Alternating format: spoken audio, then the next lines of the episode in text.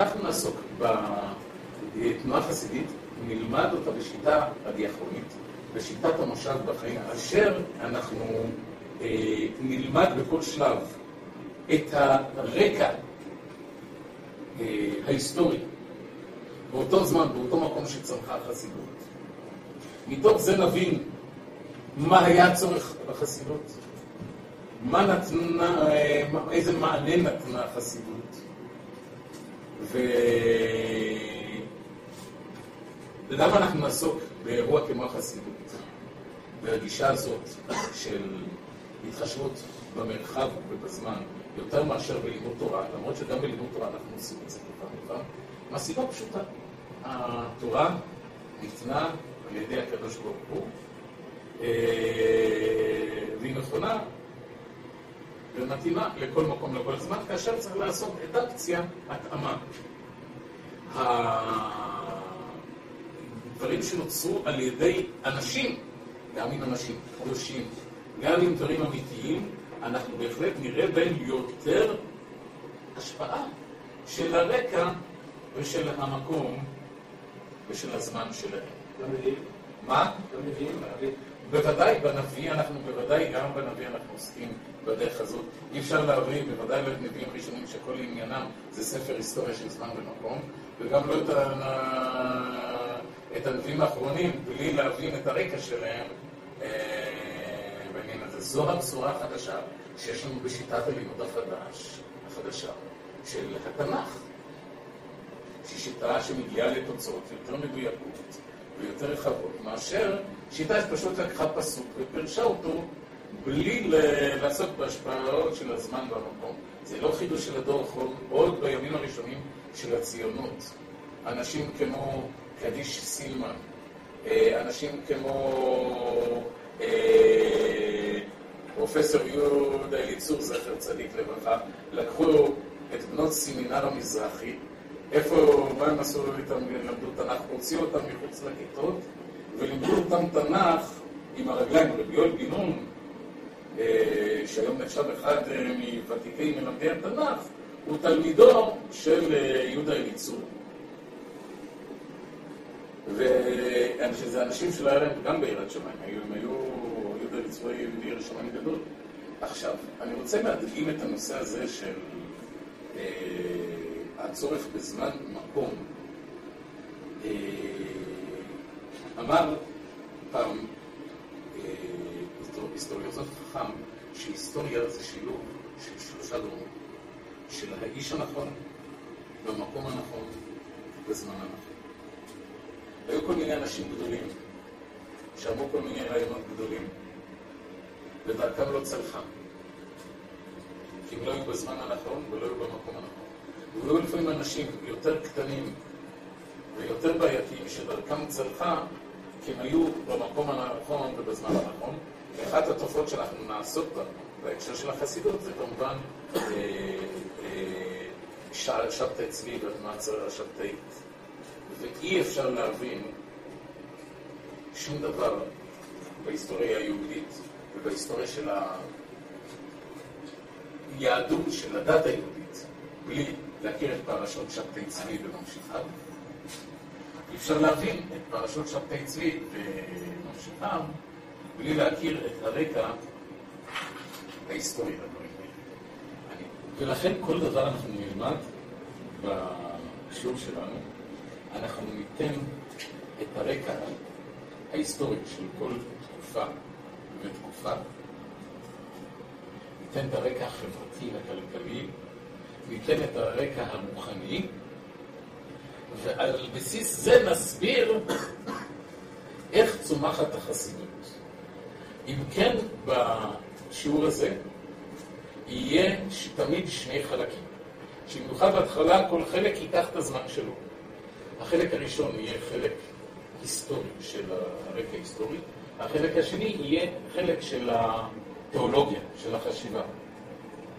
כלומר, אחרי שנעסוק ברקע לצמיחת החסידות, נתאר בקצרה מה קורה שמה, ואז נתחיל להסביר את העקרונות הרוחניים, הפנימיים, התורניים של החסידות. המבנה הכלכלי והחברתי של יהודי מזרח אירופה. מבנה המדינה והחברה הפולנית ושילוב היהודים, אזורי המחיה, דפוסי הפרנסה והכלכלה, מבנה הקהילה ומרכיביה השונים, בעיות הדת והחינוך. למה אני מדבר על דווקא המבנה הכלכלי והחברתי של יהודי מזרח אירופה, למישהו יש רעיון למה? כי החסידות היא התרחשה במזרח אירופה, עוד סיבה, צריך לדעת, שרוב יהודי העולם באותה תקופה, מעל 80% מיהודי העולם חיו במזרח אירופה, כולל, אלו שאני מדבר מזרח, צפון אפריקה, כולל אסיה.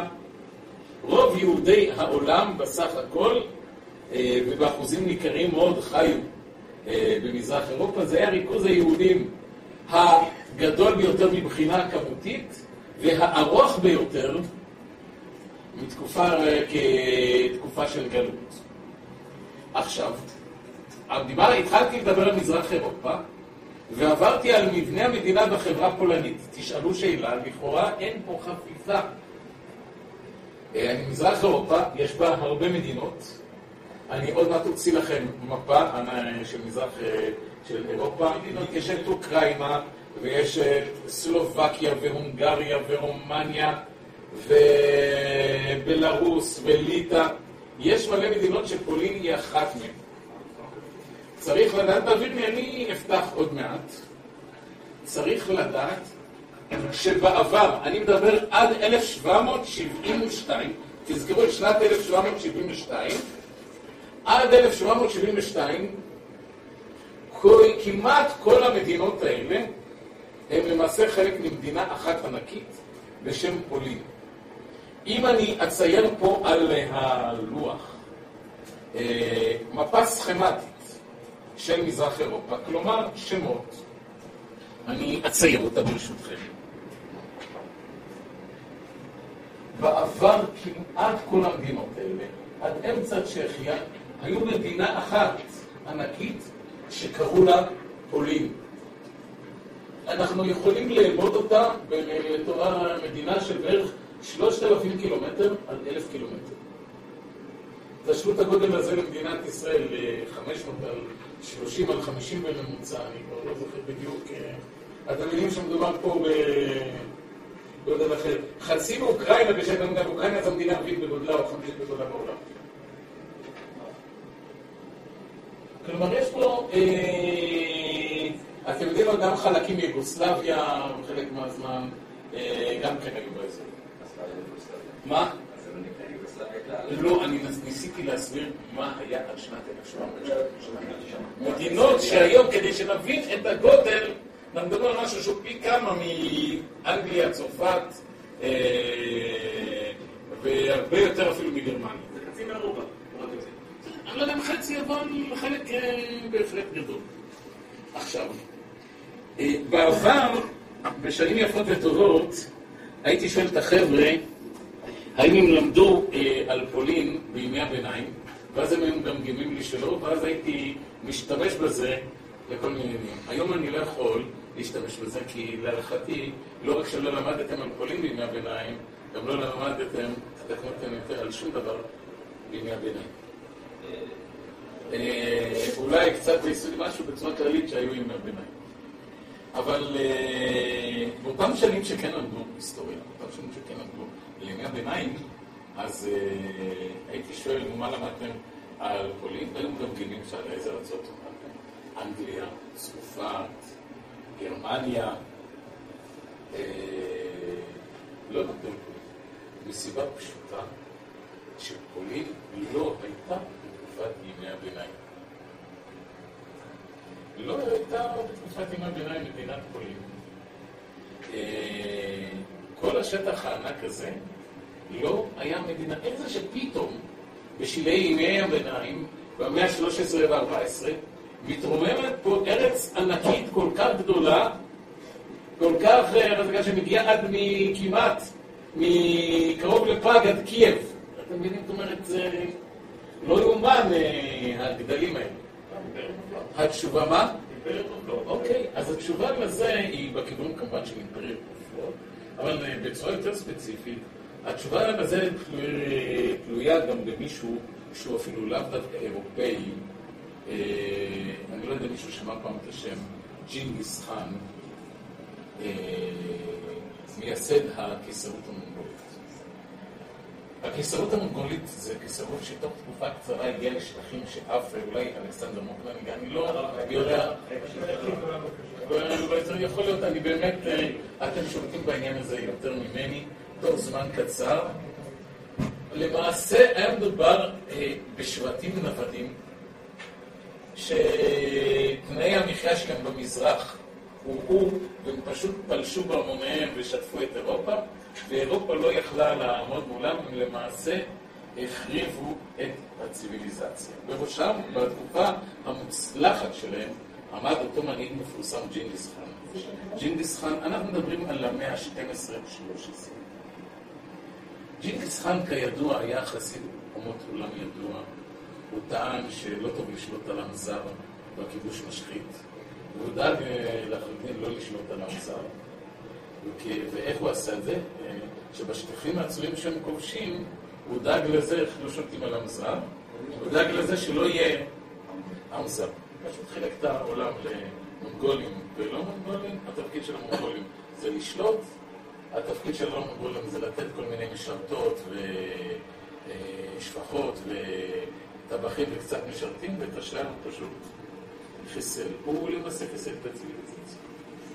אה, כאשר אה, הוא בסיכומו של דבר מת, יורשיו פחות מוצלחים, והאירופאים מתארגנים, המונגולים נעדפים לראשונה במרכז אירופה, באזור שהיום הוא מדינת צ'כיה, אזור שעד היום הוא הגבול, הייתי קורא לזה, התרבותי-כלכלי בין uh, מערב אירופה למזרחה. איזה חבל ארץ יותר מפותח? מערב אירופה או מזרחה? מערב אירופה. כלומר, ההשפעה של הכיבוש המונגולי קיימת עד היום גם אם בצורה עקיפה, עדיין ההבדלים ניכרים. ובאמת הנקודה של המעבר, המדינה חצי מזרחית, חצי מערבית, זה באמת צ'כיה כזה, זאת אומרת, או מזרח אוסטריה, אלה השטחים של המעבר הזה. אה, עכשיו, הוא למעשה ניקה אזור ענקי מציוויליזציות, מתושבים. הוא שעט ממזרח למערב, מצפון לו, בארץ שהיום שמה ליטא, שנמצאת מצפון לפולין שלנו היום, בצפון במקום שנקרא ליטא, חיה איזה דוכס בשם יגלו, היה לו בן בשם קז'ימיש, והם שרדו את השקף הזה. פתאום הם גילו, כמו אורדן קרוזו, שהם די לבד בעולם, שדי ריק מסביבם. אמרו, בואו נעשה שם, בואו נבנה לנו מדינה. מתחילים להקיף שטחים ולרכוש שטחים ברמות, מה זה לרכוש? לא בכסף, למלחמה. מגיעים, הולכים מקום למקום, מגנים איזה צבא לא גדול במיוחד בתחילת הדרך. אומרים, בסוף מגיעים לכפר, למשל, של ילידי הארץ הקודמי, הרוטנים, כך להם רוטנים, שהם האוקראינים של היום. עדיין העם הדפוק שם באזור, אוקראינים. אומרים שלום, קוראים לי אגלו, שלום, קוראים לו קז'ימיש, כבשנו אתכם, היום אתם נתינים שלי, והם ממשיכים הלאה. וכך הם בונים מדינה ענקית, מדינה ענקית בסדר גודל שבתיארנו. בואו נחליף את המושג המערב הפרוע. מכירים את ה... מה היה הסגולה של המערב הפרוע? שהוא היה ריק. כל מי שרוצה נכנס, לוקח. גם אין חוק כמובן, אין... אבל כל מי שנכנס, אה, לוקח. אז בואו נחליף את זה במזרח הפעולה. זה בדיוק מה שהיה. עד כאן בואו נעבור ל... בסיכום הדבר רוצים ללמוד על היהודים. גם חשוב שנציג לנו. כשאנחנו לומדים על ההיסטוריה של היהודים, צריך לזכור איזה כלל, שאתם, אה, אינכם אנשי מדע ומילים, אין דבר כזה היסטוריה יהודית. אין דבר כזה היסטוריה יהודית. אין דבר, לא קיים. אולי יש היסטוריה של יהודים, אבל אין היסטוריה יהודית. למה אין היסטוריה יהודית? למרות האיחול של בלעם אין עם לבדד לשכון מדברים לא יתחשב, אין עם שההיסטוריה שלו הייתה כל כך תלויה וכל כך מעורבת באומות האחרות כמו היהודים. האם אנחנו יכולים להפריד בין ההיסטוריה של היהודים במאה ה-20 להיסטוריה של גרמניה במאה ה-20? ועכשיו כשאנחנו מדברים על היהודים, בואו נראה מה קורה ליהודים באירופה. באותם שנים של ימי הביניים, התקופה מכונה תקופת שלטון פאודלית, המלכים האזוריים הם מאוד מאוד חלשים, הם מאוד מאוד מפורדים, אה, אין להם עוצמה. הכנסייה הקתולית שולטת ביד רמה בכל אירופה. יורד כוחם של המלכים שמעוניינים בכסף ובפיתוח, עולה כוחם של הכנסייה שמעוניינת בזה שלא יהיו יהודים, ועולה מפלס שנאת ישראל, מפלס האנטישמיות עולה, ויהודי, בסוף ימי הביניים זו תקופה נוראית ליהודים. אה, אני לא מדבר על הגזרות ועל אה, הפוגרומים ועל מסעי הצלב, אני מדבר על דברים הרבה יותר חמורים מזה, אני מדבר בעיקר על הגירושים. המדינה הראשונה אה, לגרש את יהודיה בימי הביניים זה בריטניה, אנגליה. נראה לי שזה הולך עוד מעט לחזור על עצמו, מי שקצת את העיתונים, עם ששמם קוראים אנגליה 1250.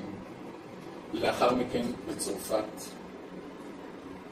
מתחילה שרשרת של גירושים, החל מימיו של פיליפ החסיד ב-1306. למה קוראים לו חסיד? כי הוא גירש ליהודים. לצרפתים, למה אני אומר שרשרת של גירושים? בצרפת הסיפור לא היה כזה חד ולא היה כזה פשוט.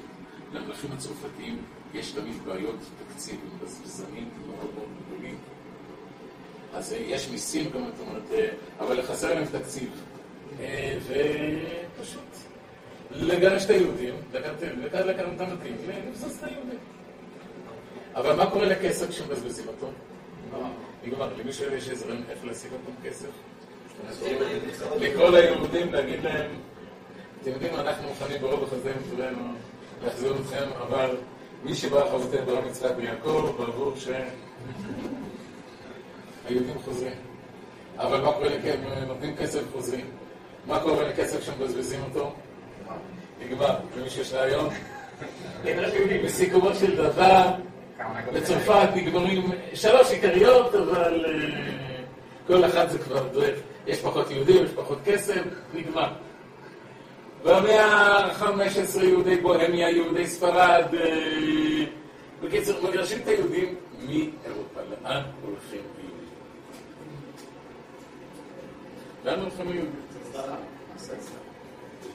חלקם מזרחה לצפון אפריקה. חלקם, ואנחנו נעסוק בזה, זה אירוע מדהים, כאלה זה השמנה והסלטה שלהם, אנשים הכי רציניים. דרך אגב, רובם, או מאונס או מרצון, נשארים שם מנוצרים באונס, זאת אומרת, רק אחוזים בודדים, זה שואה לא נורמלית, שיוצאים מהעניין הזה של גירוש ספרד, כי רוב יהודי העולם באותה תקופה היו בספרד. אבל חלקם לצפון אפריקה, חלקם לאימפריה העות'מאנית, לטורקיה, ובמיוחד שמתחרה אז עם אירופה, וחלק מאוד איכותי בהם הולך לארץ ישראל. אנחנו נעסוק בזה שנדבר על הקבלה ועל ה... על צפת, כי אי אפשר, אי אפשר לדבר על חסידות, להסביר חסידות, בלי לעסוק בקבלה, חלקם לארץ. יהודים מהגרים גם לתוך אירופה. לאן הולכים היהודים שמגורשים? אמרנו רגע, והם הולכים לפולין. הרבה מאוד הם מיהודי פולין, הם מיהודים ספרדיים. יש אני כבר מקדים בתי כנסת ספרדיים, עד היום יש לנו שמות שהם שמות ספרדיים מובהקים, אם כי הם עברו תהליכי שכנוס. למשל, יש לך את השם אספרנסה, שבספרדית זה תקווה, שם תקווה, אספרנסה. איך אומרים אנחנו אשכנזים שהקנזנו את אספרנסה והפכנו אותה לשפרינצה. במשפחה מאוד מפורסמת, דקלהורה, משפחת מנהיגים, רופא של המלכה בונה, מנהיג יהודי קרקו, דקלהורה הפך להיות כצנל בויגין, ולמשל קלונימוס, שזה שם ספרדי איטלקי, אה, שזה מה זה קלונימוס? השם של הרבי פייסק, שאני קוראים לו קלונימוס, יש לו הבעל המאור בשמש, זה קלונימוס, שם טוב, שזה שם קלו, זה מתוק, נימוס, נם, נם, זה שם, זה בספרדית שם טוב, והפך להיות קלמן. בסיכומו של דבר, אני בתור קלמנזון, יהודי ספרדי מפולין, ומגיע לי גם דרכון פורטוגלי וגם אפליה מתקנת. אבל אז הרבה מיהודי האנגושים זורמים לפולין. עכשיו את השאלה, למה הפולנים מקבלים את היהודים? כאן אה, יש, אה, מונים שלוש סיבות בהיסטוריה. יש סיבה אחת, שמלכי פולין היו קתולים חדשים, עוד לא היו חדורים בקנאות קתולית, ולא, איך אומרים, לא היו כל כך, יגל עוד היה עובד אלילים, למה זה. סיבה שנייה, שמונים אותה, אומרים אותה גם אה, אנטישמי בין המאה ה-16, כרונוגרף, היסטוריון אנטישמי, בשם יאן דלוגוש, ובמקביל אומר את זה במאה ה-16, רב דוד גנץ בפראג, שלמלך קז'ימיש הגדול, המלך המאחד הגדול של פולין, קז'ימיש the great, ששווים על זאת אומרת, המלך אה, של פולין, קז'ימיש, למלך אה, קז'ימיש הייתה אישה יהודיה, ששמה היה אסתר, כן? עכשיו, זאת אומרת, והיא תדע את ליבו לטובת ילדים. כל הכבוד לנימוקים האלה ולהשפעת, לשלושה הפעם מחפשת האישה, עדיין ככל הנראה הנימוק המרכזי הוא שפולין היא ארץ גדולה, ואנשים מתחלקים, אנשים מחלקים שם את הקרקע למגרשים גדולים. לדוגמה, אני יושב פעם בספריית הנסיך צ'רטוריסקי בקרפו, ועובר על כמה כתבי יד. והספן שכבר מכיר אותי ויודע להתעניין אותי בכל מיני תחומים, מראה לי שטר מדוניה בפולנית. שטר שנתן הנשיא, מתנה שנתן הנסיך צ'רטוריסקי לביתו, היו לו חמש בנות וארבע בנים. ושם הוא נותן לה כך וכך בגדים ותכשיטים כי צריכה מה ללבוש, צבא כזה. הוא נותן לה כך וכך ארמונות כי צריכה איפה לגור, ונותן לה גם מגרש לדוניה. כשעבדנו ותרגמנו את זה מהכתרים, יחידה פולנית עתיקה, ליחידות יותר קרקע, יותר מודרניות, גילינו ששטח המגרש שהנסיך צ'רטוריסקי נתן לביתו, שהייתה אחת מחמשת בנות, הוא מנסה השאיר גם אה, משהו לילדים, היה בשטח של פי 10.8 ממדינת ישראל, כולל יש"ע והגולן. מגרש שנתן נסיך לאחת מבנותיו. יש להם עושר אדיר.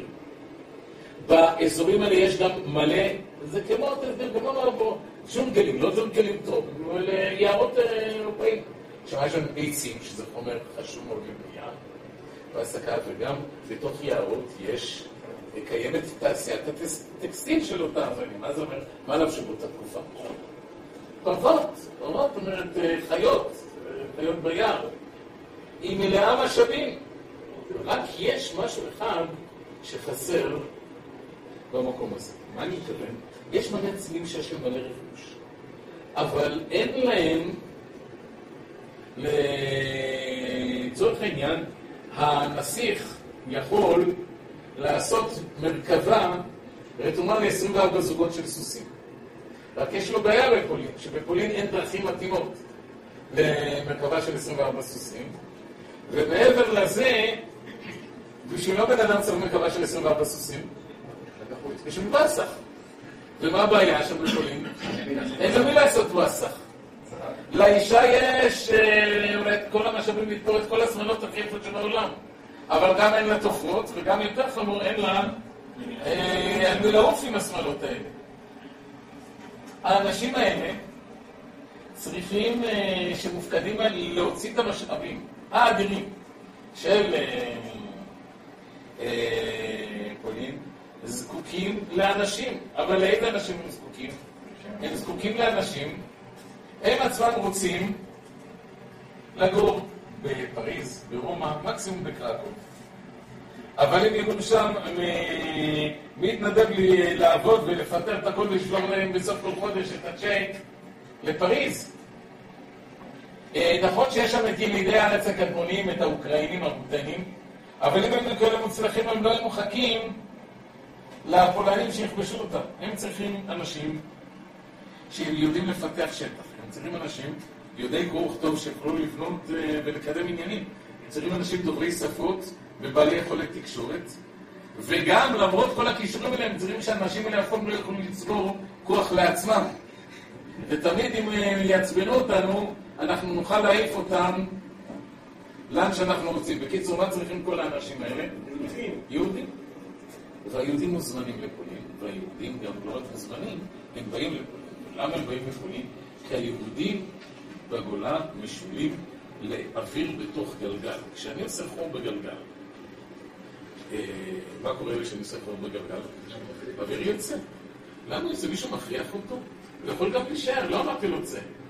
למה אוויר יוצא? לחוץ לו שם, צבוק לו שם. אותו דבר ליהודים בגולה זה כמו האוויר בתוך גלגל. איפה שאתה פותח חור, יהודים זורמים לשם. אתה רק מאפשר, נכנס. היהודים זורמים בהמוניהם לפולין, ועובדים בתווך שבין עובדי האדמה האוקראינים לבעלי האדמה, לאדוני האדמה הפולנים. הם נמצאים בדרבה בתור מנהלי אחוזות, חוכרי יערות. יש מושג שקוראים לו, כל מי שמכיר את הספרות החסידית, מכיר את המושג רנדר. מה זה רנדר? דומה, דומה? חוכר, סוכר. לאיזה מילה באנגלית זה דומה? וייטר. נפלאים בכל ההוכחת כתבי מרזח של האציל. או לבתי מרזח נגיע, או לפונדקים נגיע בהמשך. מה זה אומר על החיים האלה? זה המבנה של המדינה והחברה הפולנית. יש מגנט, אציל גדול. פריץ, כן, אבל יש פריצים משתי דרגות, שלפעמים פריץ קטן שבדרך כלל יש מגנט. אנחנו נעצור כאן, נמשיך בפעם הבאה.